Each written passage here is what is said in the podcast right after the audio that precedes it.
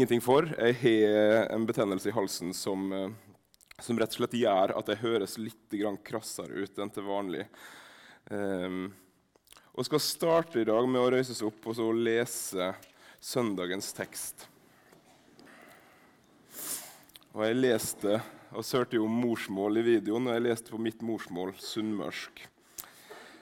Sannelig, sannelig, jeg sier dere, den som ikke går inn til saueflokken gjennom porten, men kliver over en annen plass, han er en tjuv og en røver.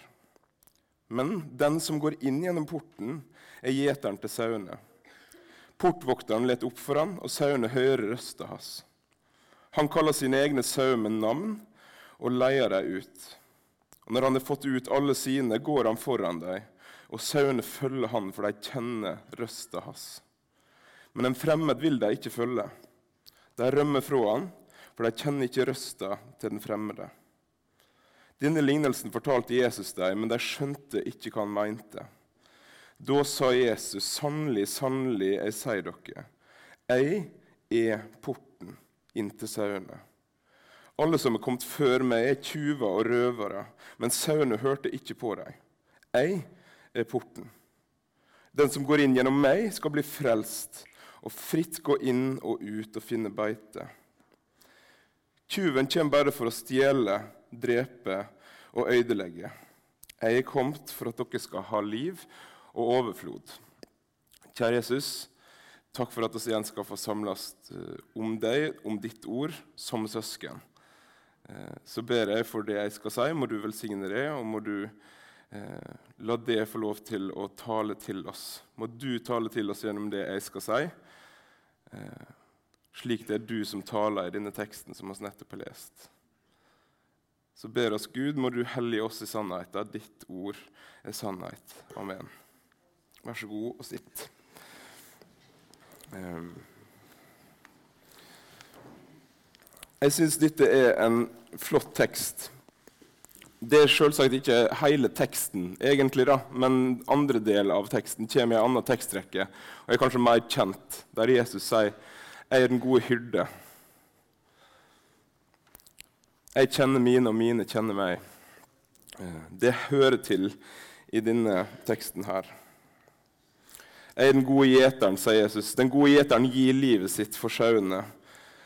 Og så sier han videre, jeg er den gode gjeteren. Jeg kjenner mine, og mine kjenner meg, slik som far kjenner meg, og jeg kjenner far. Ingen tek livet mitt, jeg gir det frivillig. Jeg har makt til å gi det, og jeg har makt til å ta det tilbake. Dette er oppdraget jeg har fått av min far, sa Jesus i den andre delen av denne teksten. Men de der versene som også lest, så sier Jesus i forklaringa Først så forteller han disse, denne saueflokken, som da tydeligvis er inne i ei innhegning av et eller annet slag. Eh, og Der gjeteren må gå gjennom en port og via en portvokter for å komme inn.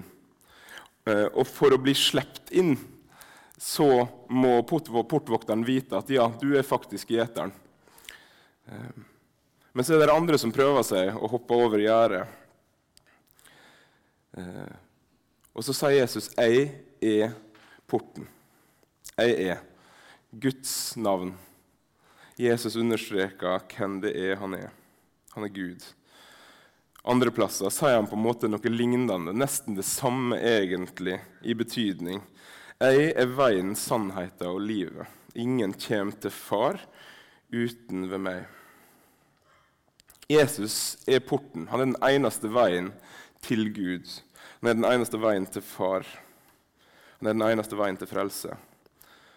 Som han sier i teksten, den som går inn gjennom meg, skal bli frelst. De som går inn andre plasser For det første så kan du ikke bare hoppe over gjerdet en annen plass og plutselig være en Jesus-haug. Du kan heller ikke hoppe over gjerdet en annen plass og håpe å være en gjeter for Jesus sine sauer. Hvis du hopper over gjerdet en annen plass når du vil lede andre, og ikke går gjennom Jesus, da er du en tjuv og en røver, sier Jesus i denne teksten. Men som sagt så sier Jesus videre i Johannes 10 at han også er gjeteren.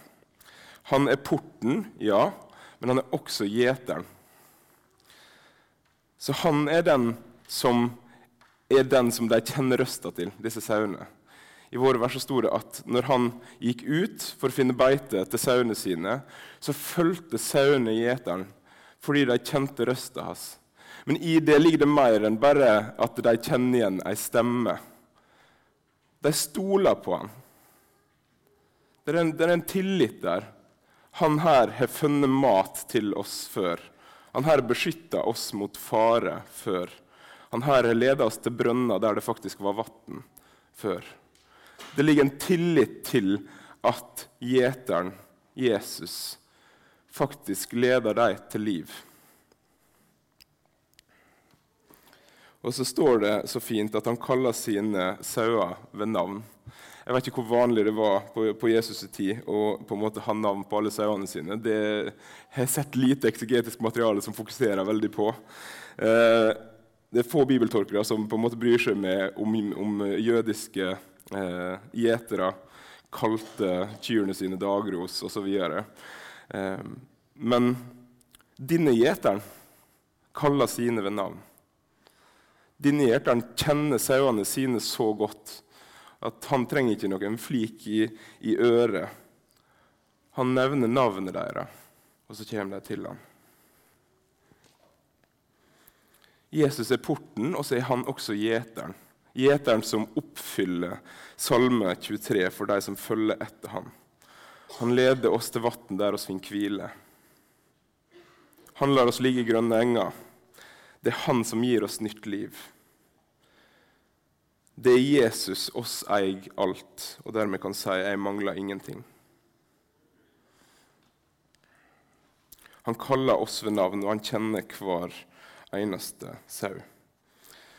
Men mer enn det sauene kjenner han. Sauene gjenkjenner han. De som hører til hos Jesus, kjenner igjen hans røst. Sjøl når det er andre som vil hoppe over gjerdet og prøve å lede vill. Jesus er både porten og hyrden, sier jeg.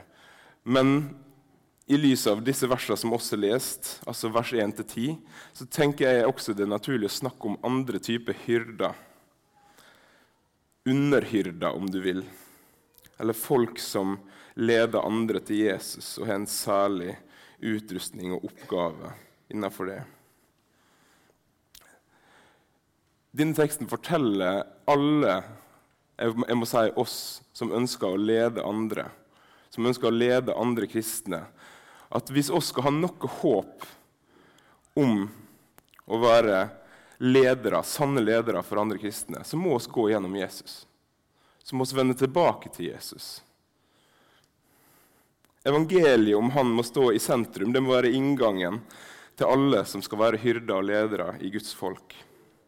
På en eller annen måte så skal Jesus i egen stemme være gjenkjennelig gjennom det disse underhyrdene forkynner gjennom livet deres, gjennom det de står for, så skal Jesus være gjenkjennelig. Det er en utfordring til oss. En sånn hyrde skal gjenkjennes på at han peker på Jesus. Når jeg står her og forkynner for dere, og forhåpentligvis kan gi dere noe som blir til nytte og til glede for dere i deres kristne liv, så må det være fordi jeg leder dere til Jesus. Til næring, til sann næring, gjennom porten. Men så er det deilig da, når en står i en sånn tjeneste som f.eks. jeg står i ungdomsforeninga her i Misjonssalen. Så er det deilig og frigjørende å lese at det er Jesus sjøl som er den gode hyrde det er ikke jeg. Det er han som til sjuende og sist er hyrden. Det er han de skal gjenkjenne. Og hvis jeg skulle tale om en annen Jesus, hvis jeg skulle tale på en måte der Jesus ikke sto i sentrum, hvis jeg istedenfor å lede til næring skulle lede til tomme og sprukne brønner, så vil Jesus sauer gjenkjenne det, at dette her er ikke hyrden. Det er ikke hyrdens røst oss hører gjennom han her. Og det er frihet, syns jeg. At det hviler ikke så mye på meg. Misjonssambandet står ikke og faller på generalsekretær og hovedstyre. Misjonssalen står ikke og faller på Jan Erik og meg. Det er Jesus som er hyrde for misjonssalen, dypest sett. Jeg kunne ja, det Beklager allerede sånn på en måte men jeg kunne dødd her og nå, her jeg sto. Og misjonssalen som menighet kunne overlevd, ville overlevd. Jeg kunne slutta jobben min i morgen og sagt jeg stikker til Syden. Og ungdomsforeninga i misjonssalen hadde overlevd, fordi det er ikke meg det står på. Evangeliet om Jesus er det det handler om. Jesus er hyrden. Og så har oss noen som er ledere for oss. Jeg tenker oss må være takknemlige for den jobben i NLM som hovedstyre og generalsekretær gjør. Klart oss må være takknemlige for det. Og de leder, og de leder stort sett trygt. Men skulle hovedstyret finne ut at eh, de heller vil slåss med hverandre enn å, enn å lede, så, så, hadde ikke på en måte NLM stått og falt på de personene som sitter der. Fordi det er ikke dypest sett de som er hyrden, men gjennom dem skal vi gjenkjenne hyrdens røst. Så vil jeg si noe til. Eh, den oppgaven som hyrden har i den teksten som vi nettopp har lest, det er å lede sauene til å finne beite. Og det skjer på flere ulike nivå. Det skjer ikke bare gjennom sånn som jeg står her og forkynner til dere nå. Det skjer på nesten alle nivå. Og så sitter garantert mange av dere her og tenker jeg er ikke noen hyrde. Jeg er ikke noen sånn på en måte som leder an til beitemarker for noen. Det er, jo, det er, jo, på en måte Jan Eriks greie, og det, det er det han på en måte tar seg av. og jeg, jeg har ikke noe med det å gjøre.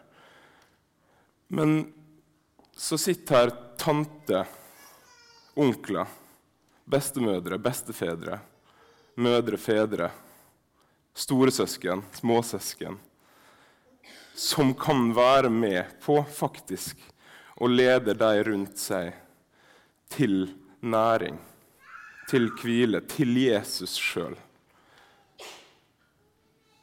Denne ledelsen til, til beite, til maten, til det som skal til for å overleve, det skjer på alle ulike nivå. den viktigste hyrden for mitt kristenliv var min bestefar. Han var ingen teolog. Han var, ingen, han var, altså, han var en enkel sjømann som ble frelst i tenåra. Men gjennom han så gjenkjente jeg Jesus. Gjennom han så, så jeg noe som jeg hadde lyst til å etterligne. Og han var aldri så modig som Paulus. Min bestefar sa aldri 'etterlign meg slik jeg etterligner Kristus'. Kan dere tenke dere at Paulus sa det? Det forplikta. Um, men det gjorde bestefar. Han ligna på Jesus, så fikk jeg lyst til å ligne på han. Denne ledelsen skjer på veldig mange ulike nivåer. Når vi leser om hyrder og leser om uh, folk som leder andre til Jesus Du må ikke være apostel eller biskop eller pastor for å lede noen til Jesus. Antageligvis så leder du noen med livet ditt akkurat nå, på et eller annet nivå. Du som ber for dine barnebarn, og som leser andakter for deg når de er på besøk. Du som er fadderunger som du leser i barnebibelen for når du eh, er på besøk med foreldre. Denne ledelsen skjer på veldig mange forskjellige nivåer. Og jeg vil bare at dere skal være frimodige i det. I de relasjonene som dere har, så har dere en mulighet til å være sånne som det går an å gjenkjenne hyrden gjennom, og som kan lede andre til beitemark, til mat for sjela.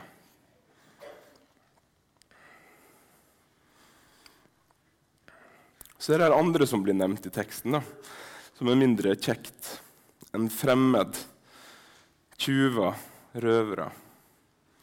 Folk som ikke går gjennom porten, men som likevel vil inn til sauene. Vil inn til de som gjeteren kjenner og kaller på. Men så vil de ikke gå gjennom Jesus. De vil ikke gå gjennom porten. De vil på en måte ha noe Jesusaktig. Eller de vil, de vil ha disse, disse, kristne vil de ha noe med å gjøre. Jeg tror det her er snakk om, om vranglærere og om falske profeter. Jeg tror det er snakk om folk som forkynner det som Paulus snakker om, et annet evangelium. Et evangelium som egentlig ikke er noe evangelium fordi Jesu døde oppstandelse for oss får ikke lov til å stå i sentrum lenger. I stedet blir Jesus ofte en som skal gi oss noe. En som skal sørge for at mitt liv her og nå blir en suksess på absolutt alle nivåer i livet. Kanskje dere har sett noen av disse pastorene enten på kristne TV-kanaler eller på Internett, som snakker om Jesus som om han er en minibank, som ønsker å bare velsigne deg materielt, som at det er det alt handler om. De går ikke gjennom porten. Og For de som kjenner gjeterens røst, er det lett å kjenne igjen. Dette er ikke gjeterens røst. Dette er ikke hyrdens røst. Dette her er ikke min Jesus dere snakker om. Det er ikke min Gud dere snakker om. Dette her er noe annet. Dette her er noe menneskeskapt og menneskesentrert. Noe som sentrerer seg rundt meg og alt jeg skal få. Jesus er ikke en life coach eller en som på en måte døde for å gi meg suksess. Han er frelseren. Han er den som døde for mine synder, sto opp igjen så jeg skal få et evig liv. Men veldig mange prøver å gjøre han til noe annet. Prøver å føre flokken vill. Og så tror jeg ikke, jeg tror ikke helt ærlig at disse tenker selv om, om seg sjøl at jeg er en falsk profet eller en vranglærer. Jeg tror veldig mange av dem tror sin egen løgn. Men likevel, for oss som Jesus sauer, så er det så viktig at vi gjenkjenner hyrden sin stemme.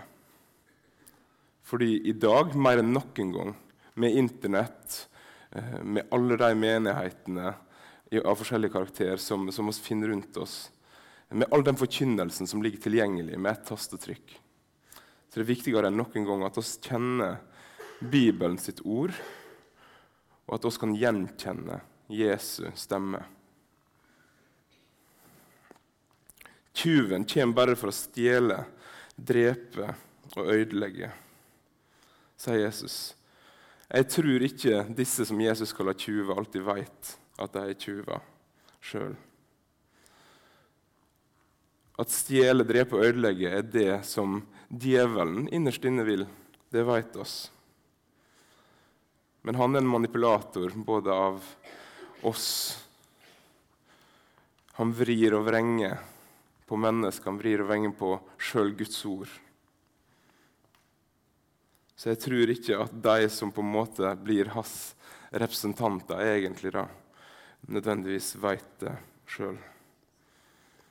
Men med en gang noen forkynner et evangelie der Jesus ikke får stå i sentrum, som han som oss trenger for å bli frelst. Som han som har dødd og stått opp igjen for oss. Som han som elsker oss med en så stor kjærlighet at han kom for oss mens oss enda var syndere. Der Jesus blir noe annet. Der han blir noe som på en måte er til for meg.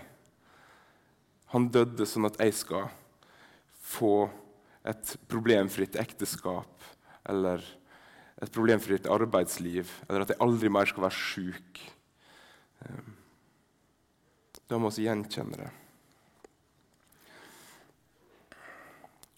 Så tror jeg at oss også må huske på, og særlig oss i NLM, egentlig, at Jesus sier 'Jeg er porten'. Jeg er porten. La oss da ikke sette opp en labyrint av andre porter som folk må gå igjennom før de kan komme inn og bli en del av vår fellesskap. La oss da ikke sette opp en labyrint av andre porter. Du ser ikke, du ser ikke ut som en sambanditt. Du har ikke kontroll på historien til sambandet. Hva det nå enn er. La oss ikke sette opp de ekstra portene. La oss være frimodige på Jesu vegne og si oss vil vise deg Jesus. Han er porten. Han er den du skal gå gjennom. Og så kan vi drite litt i hvordan de ser ut. Hva, hva er det de bærer med seg inn? Fordi det er Jesus som er porten. Og helliggjørelsen skjer ikke på én dag. Så la oss ikke sette opp ekstra porter for dem. Senest denne veka på mandag så leste jeg i Dagen et innlegg som skrev om nyere kristen musikk på en sånn måte at en skulle tro han hadde hele Bibelens tyngde med seg det han skrev. Så bombastisk var han at du skulle tro han kunne banke i bordet med hele Bibelens tyngde. Men det kan han ikke. Det kan han ikke. Og jeg tror at jeg også har noen sånne ting, mine vaner, mine preferanser. Det er jeg vokst opp med og i. Jeg er vokst opp i Misjonssambandet. Da tror jeg jeg har noen blindsoner. Og de blindsonene må ikke jeg forveksle med noe som er en salighetssak, noe som de må gjøre noe med for å bli frelst.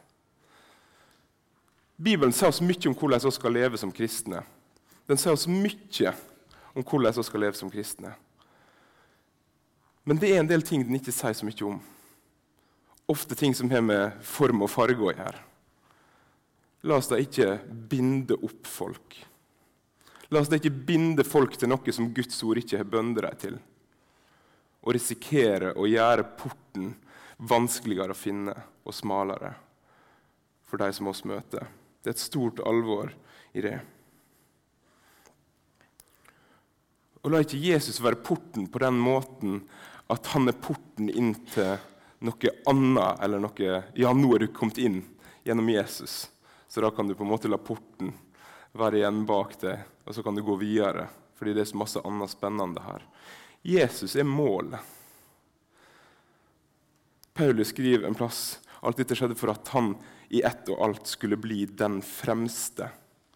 Altså, Jesus er den fremste. Jesus er målet på en måte i seg sjøl. Jeg har ingenting Jeg trenger ikke noe mer enn Jesus. Jeg trenger ikke åndelige opplevelser. Vil Gud gi meg åndelige opplevelser, så er jeg takknemlig for det. altså. Ikke misforstå meg her.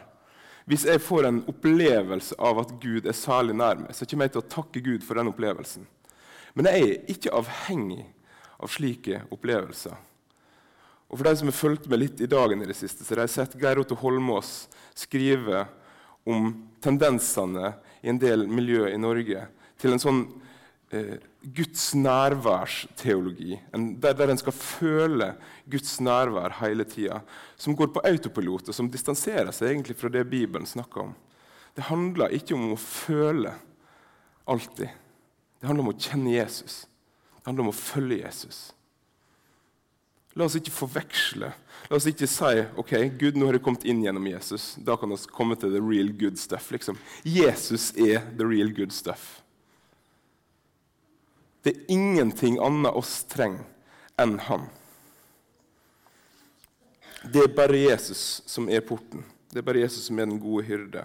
Det er bare Jesus som er veien, sannhet og liv. Det er kun han oss kan bli frelst ved. Og Så er det jo et alvor også i Johannesevangeliet og i teksten vår frelse, fortapelse. Johannes 3, 16. For at hver den som tror på han ikke skal gå fortapt, men ha evig liv.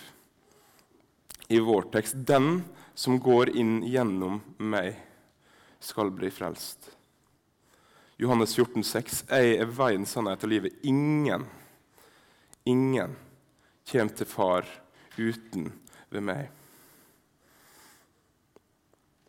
Det er et stort alvor i det. Det er bare Jesus som er frelsesveien. Og, og nå skal jeg si noe som eh, ja, dere, dere, får bære over med meg. Eh, I det siste har det gått en diskusjon eh, som har ført til at folk har meldt seg ut av NLM. Og Da skulle en tro at den diskusjonen handla om noe fundamentalt. noe. Da skulle en tro at den diskusjonen handla om at eh, NLM vil ikke lenger nå de minst nådde med evangeliet. Eller NLM vil ikke lenger verden for Kristus. En skulle tro det var noe sånt. Men det er ikke det. Vet dere hva som har ført til at folk har meldt seg ut av NLM? NLM sitt hovedstyre sa nei til et forslag om å heise Israel sitt flagg på GF. Misforstå meg rett her nå. Jeg mener ikke at Gud på noen måte er ferdig med det jødiske folk.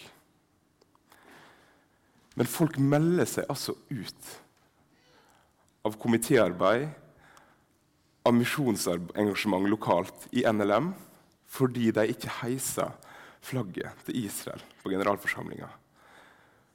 Og kanskje er det fordi jeg er ung. Jeg veit ikke. Men da har vi spora av, folkens. Da har vi virkelig, virkelig spora av. NLM er fortsatt verden for Kristus som sitt engasjement.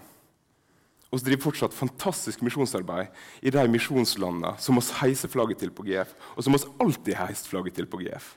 Så vidt meg bekjent så har ikke oss heist Israelsflagget så mange ganger på GF før heller. Så det, dette er ikke sak som plutselig ble en sak, og så har folk meldt seg ut pga. den. Har vi da glemt hva det er en jøde først og fremst trenger? En jøde trenger ikke først og fremst et hus i Hebron eller hvor det måtte være. En jøde trenger først og fremst Jesus. Den som går inn gjennom meg, skal bli frelst. Den som går inn gjennom meg.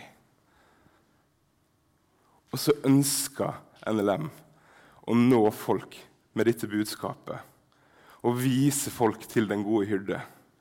Og så er det en stat sitt flagg som vi ikke driver misjonsarbeid i, og som vi aldri på en måte har drevet misjonsarbeid i, så er det det flagget som får være på en måte stridsspørsmålet vårt i år. Det er et tankekors for oss. Bør være et tankekors for oss. Hva er det vi holder på med? Har det blitt viktigere enn å nå mennesket med evangeliet om Jesus?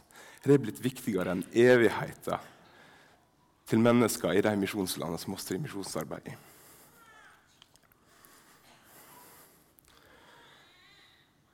Jødene som rosa seg av at de var Abrahams barn, hva var det Jesus sa til dem? Dere er djevelen til far, sa han. Fordi dere står meg imot. Og da står dere også min far imot han som dere kaller dere Gud, men som ikke er dere Gud, fordi dere viser at han ikke er det, med deres innstilling til meg. Jødene svarer hånlig, 'Du er vel ikke større enn vår stamfar Abraham?' Akkurat som de sier, 'Hvem er det du tror du er, egentlig, Jesus?' Og så svarer Jesus med et annet av disse 'jeg er'-ordene sine. Og jeg syns det er så kult.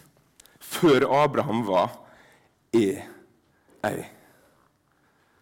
Han er alltid. Det er som om han sier til deg at Abraham kan takke meg for at han i det hele tatt fins, eller har funnes. Abraham kan takke meg for at han fins. Jeg var der. Det var meg Gud skapte verden ved. Det var jeg, min far og Den hellige ånd som ble enige om å skape mennesket i vårt bilde. Og så spør dere meg om jeg er større enn deres far Abraham. Før Abraham var, er jeg.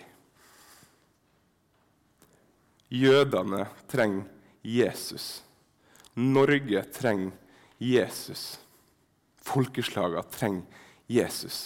La oss ikke bli distrahert. La oss ikke bli distrahert mens vi gjør dette oppdraget.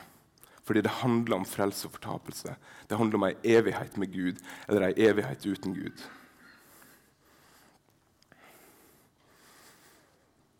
Hva er det det handler om? Jo, 1. Peter 2,25. Dere var som sauer som hadde gått dere vil.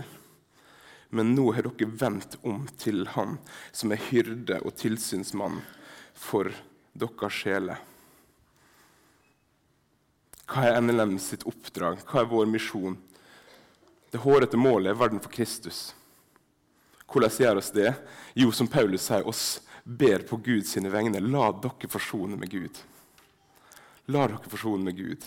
Han sendte sin sønn. Han sendte sin sønn til dere, for dere. Han blei som dere. Han tok på seg Han som ikke visste av synd, har han gjort til synd for oss. For at vi i ham skulle få Guds rettferdighet. Det er det det handler om. Det er det oss driver med. La oss ikke bli forvirra. Det er det det handler om. Så avslutta teksten i dag med Tyven kommer bare for å drepe, stjele og ødelegge. Jeg har kommet for at dere skal ha liv og overflod, står det i min oversettelse. I veldig mange av de engelske oversettelsene har jeg lagt merke til at der står det ikke 'liv og overflod', men jeg vet ikke hvordan jeg skal oversette det. Overstrømmende, overflommende liv. Altså liv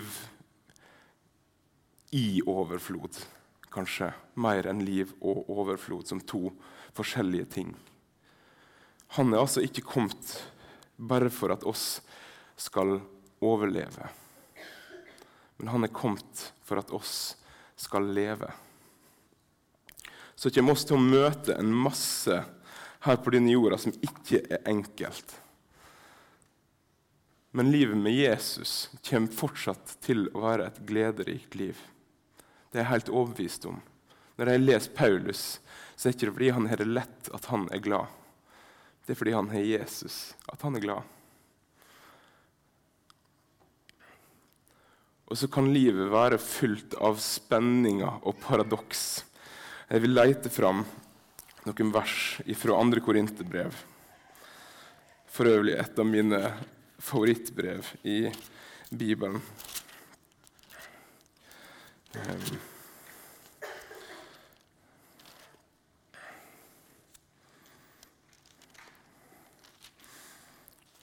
Der han skriver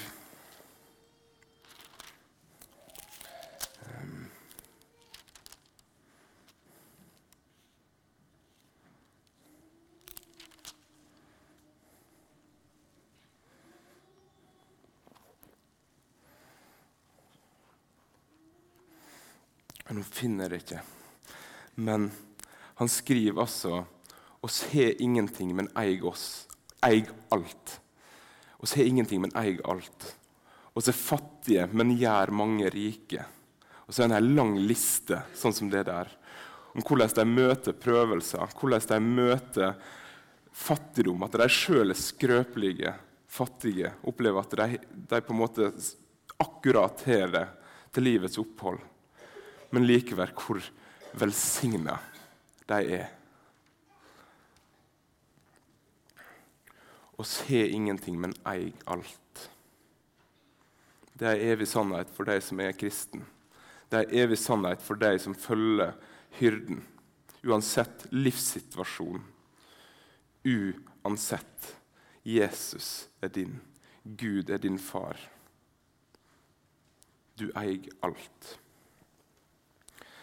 Så la oss ikke gå lei.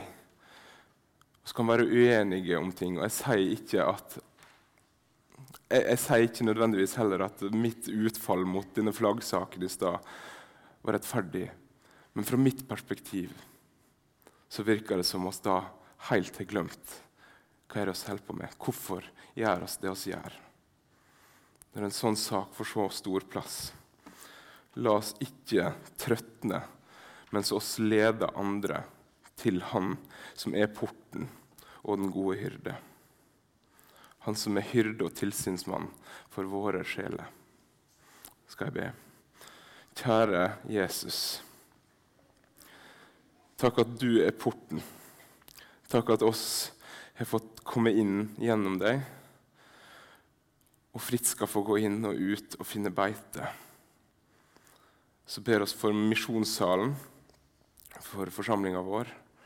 Må du velsigne oss på en sånn måte at når oss forkynner ordet, enten det er fra talerstolen eller oss er sammen i misjonsforeningene og smågruppene våre, At vi må få lov til å forkynne for hverandre på en sånn måte at det er hyrdens stemme, de stemme, som er gjenkjennelig, og som vi får lov til å bli kjent med. Må du være her midt iblant oss når vi samles i ditt navn, og sørge for at misjonssalen er en sånn brønn der folk kan komme og få mat for sjela si. Og få høre om deg og bli kjent med deg. Så ser du alle de tinga som vi har eh, gjort ei greie. Du ser alle de tilleggsportene som jeg måtte sette opp eh, for folk som kommer inn i mitt liv, og som du legger min vei. Eh, jeg ber, må du gjøre oss bevisst på dem, må du vise oss dem. Må du gjøre oss ydmyke i møte med andre, sånn at vi får lov til å vise dem til deg, til du som er porten, til du som er den gode hyrde, og ikke leder folk inn i våre synsinger, i våre smakssaker, men at vi får lov til å forkynne evangeliet frimodig og lede dem til deg. Og du velsigne oss til det, Jesus, i ditt navn. Amen.